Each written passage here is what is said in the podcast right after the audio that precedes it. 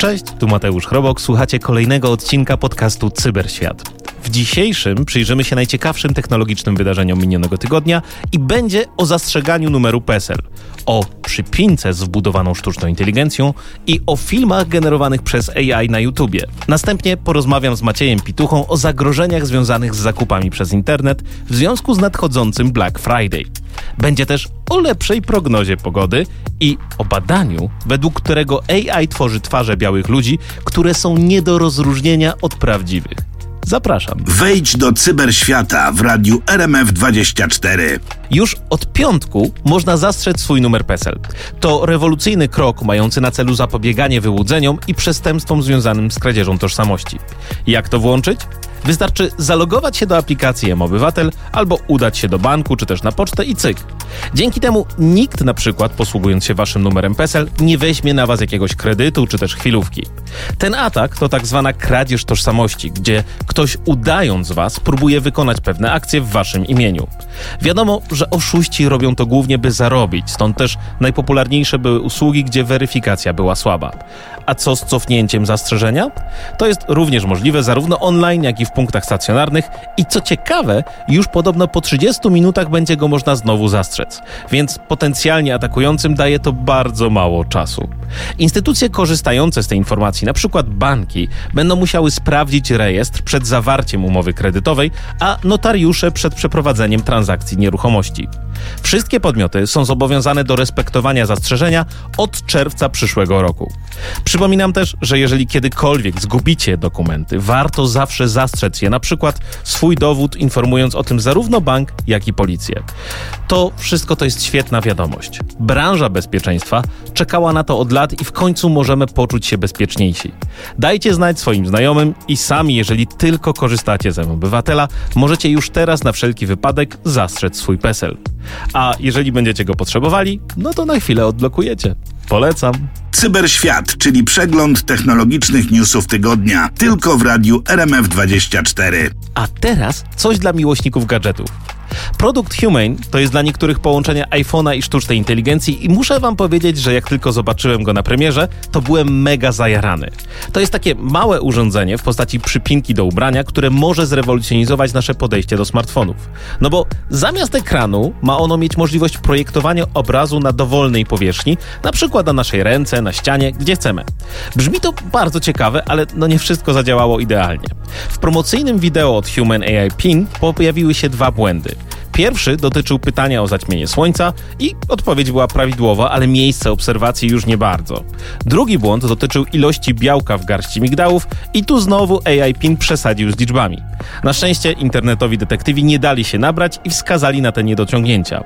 Firma Humane już odpowiedziała na te wpadki. Sam Sheffer, szef mediów nowych w Humane, przyznał, że AI PIN używał przedpremierowej wersji oprogramowania i że błędy zostaną naprawione.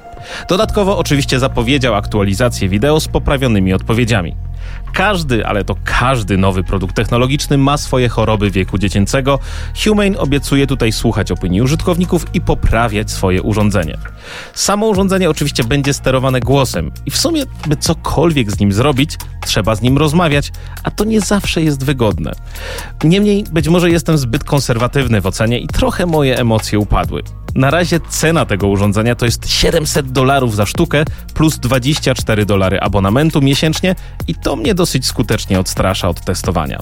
Tym bardziej, że na razie samą przypinkę wysyłają tylko w Stanach Zjednoczonych, więc zobaczymy co z tego wyniknie. Mateusz Chrobok i Cyberświat. Tylko w radiu RMF24. Znowu głośno o Apple'u. Najpierw Unia Europejska zmusiła giganta z Cupertino do wprowadzenia standardu USB-C, a teraz do umożliwienia instalacji aplikacji spoza sklepu App Store. To jest rewolucyjna zmiana, ponieważ do tej pory jedynym oficjalnym źródłem aplikacji na iPhone'ach była właśnie wewnętrzna platforma firmy. To też ułatwiało kontrolę, ale utrudniało konkurencję.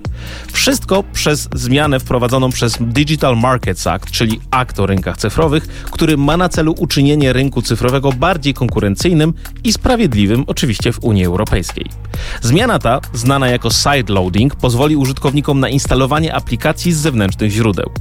Do tej pory to było możliwe, ale tylko po jailbreaku iPhone'a, czyli po złamaniu jego zabezpieczeń i w sumie to mało kto się na to decydował. Apple nie jest fanem tej idei. Craig, który jest starszym wiceprezesem od oprogramowania w Apple, nazwał sideloading najlepszym przyjacielem cyberprzestępców. A Tim Cook, CEO Apple, również wyraził swoje obawy związane z bezpieczeństwem tego rozwiązania. Z jednej strony się cieszę, bo da to więcej wolności, którą użytkownicy Androida mają od zawsze. Z drugiej zgadzam się z tym, że dużo mniej świadomych użytkowników może zacząć padać ofiarą ataków, bo otworzenie ekosystemu to otwarta droga dla nowych wirusów. Ciekawe, czy powstaną za chwilę nowe antywirusy na iOS-a, a percepcja użytkowników co do bezpieczeństwa systemu od Apple się zmieni. Sprawdzimy to już w przyszłym roku. Cyberświat w radiu RMF24. Google reaguje na coraz więcej filmów tworzonych przez sztuczną inteligencję.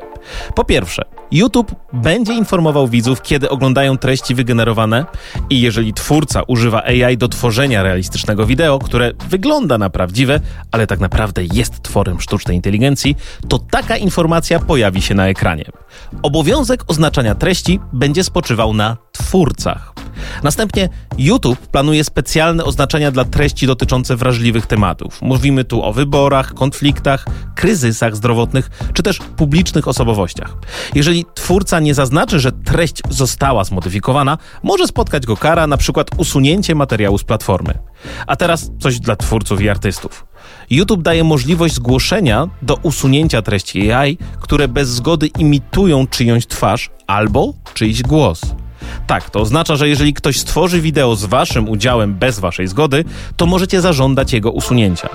YouTube obiecuje też rozwój technologii AI do moderowania treści i wszystko w sumie brzmi świetnie. Ale w świecie AI jednym z najdroższych i najnudniejszych etapów jest oznaczanie treści, czyli innymi słowy, powiedzenie, co jest czym. Jak rozwiązujemy captcha i wybieramy tam te samochody czy rowery, to dzięki temu uczymy algorytmy. Podobnie teraz rękami użytkowników i twórców Google lepiej nauczy się rozpoznawać filmy tworzone przez sztuczną inteligencję.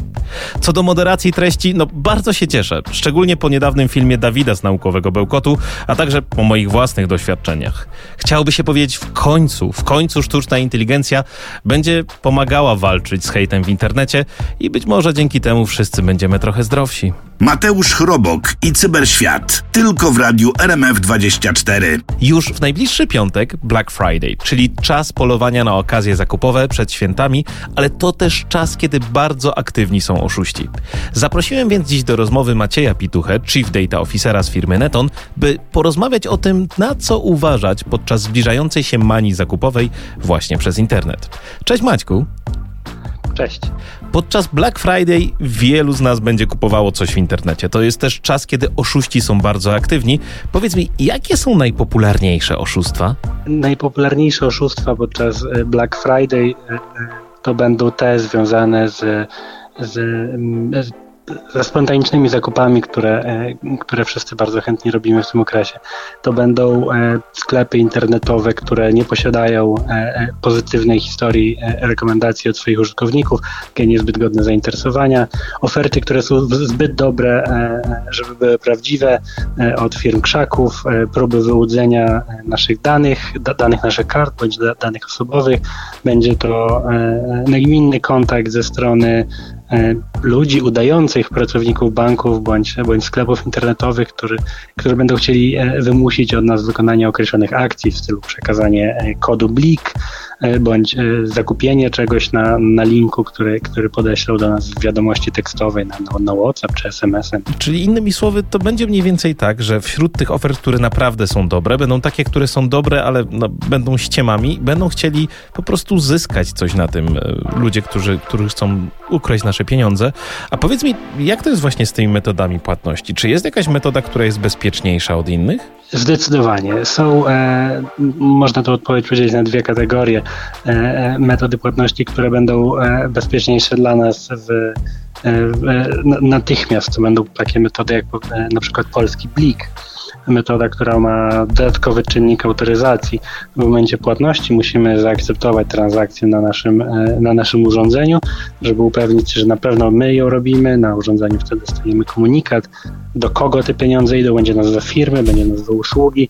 Jesteśmy, mamy pełną świadomość, e, za co, ile e, pieniędzy komu przelewamy oraz metody oraz druga, druga część tej odpowiedzi, metody płatności, które mogą spowodować, że utracimy środki, ale potem je odzyskamy. To będą płatności kartami.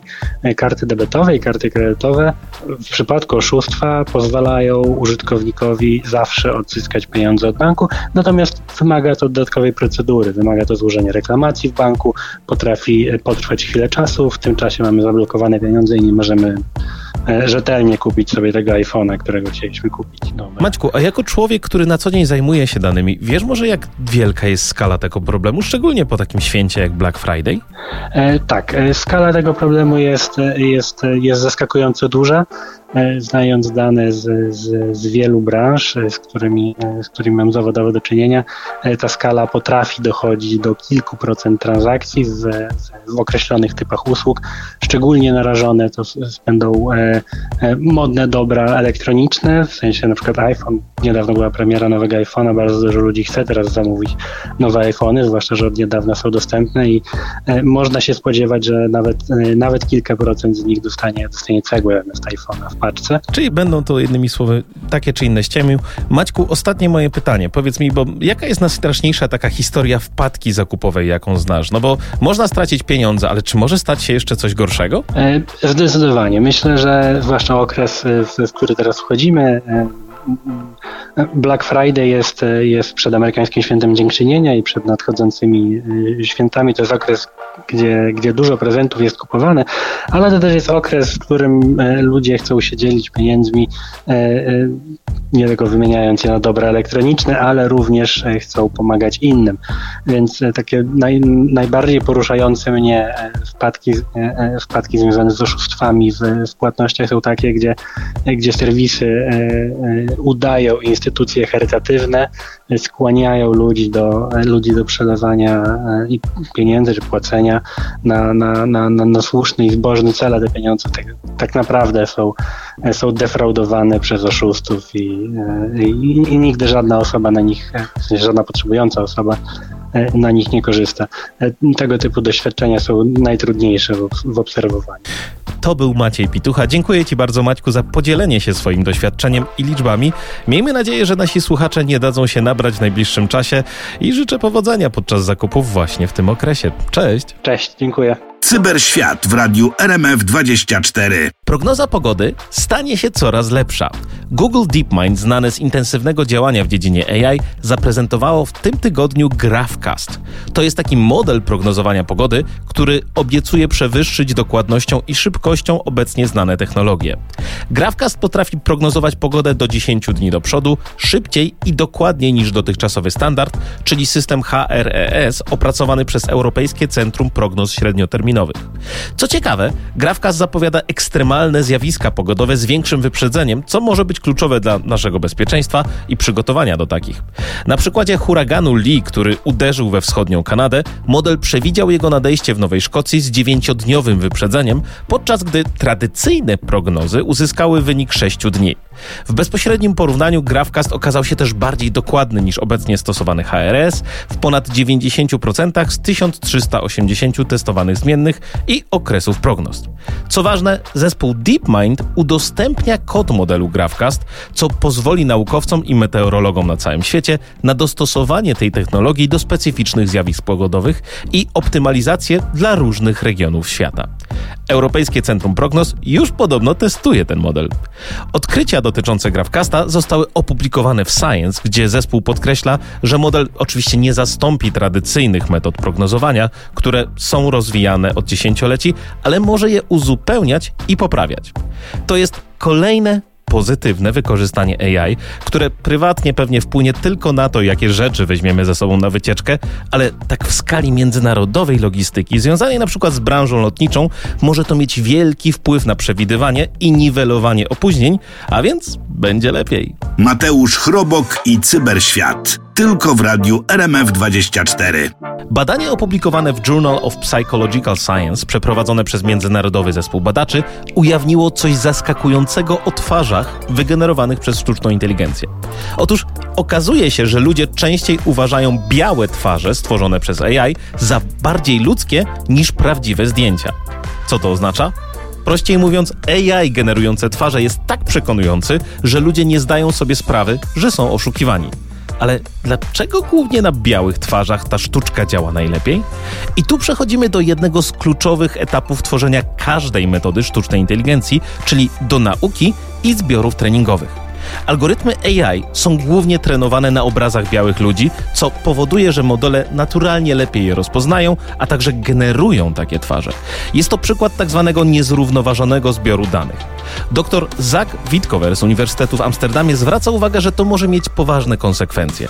Taka sytuacja może prowadzić do utrwalania uprzedzeń i jest czymś, z czym aktywnie walczy się w świecie uczenia maszynowego, by właśnie minimalizować dyskryminację. Badanie podkreśla też, że twarze wygenerowane obecnie nie są możliwe do rozpoznania od prawdziwych. Patrząc na to z tej strony, można więc na osłodę powiedzieć, że dzięki temu, że modele są lepsze, większa szansa, że ktoś oszukuje właśnie wykorzystując sztuczne twarze białych ludzi. Niemniej, jeżeli chcecie sami zerknąć w to badanie, pod przewodnictwem pani Elizabeth Miller, poszukajcie go po tytule AI Hyperrealism Why AI Faces Are Perceived as More Real Than Human Ones. Cyberświat w radiu RMF24. Mam wieści dla użytkowników WhatsAppa na Androidzie. Jeżeli robicie backup swoich rozmów z WhatsAppa na Google Drive, to warto zwrócić uwagę na zmiany w wykorzystaniu przestrzeni dyskowej. Od grudnia tego roku kopie zapasowe WhatsAppa będą zajmowały miejsce w chmurze Google, ale tylko dla użytkowników WhatsAppa w wersji beta. Dla pozostałych zmiana wejdzie w życie w przyszłym roku.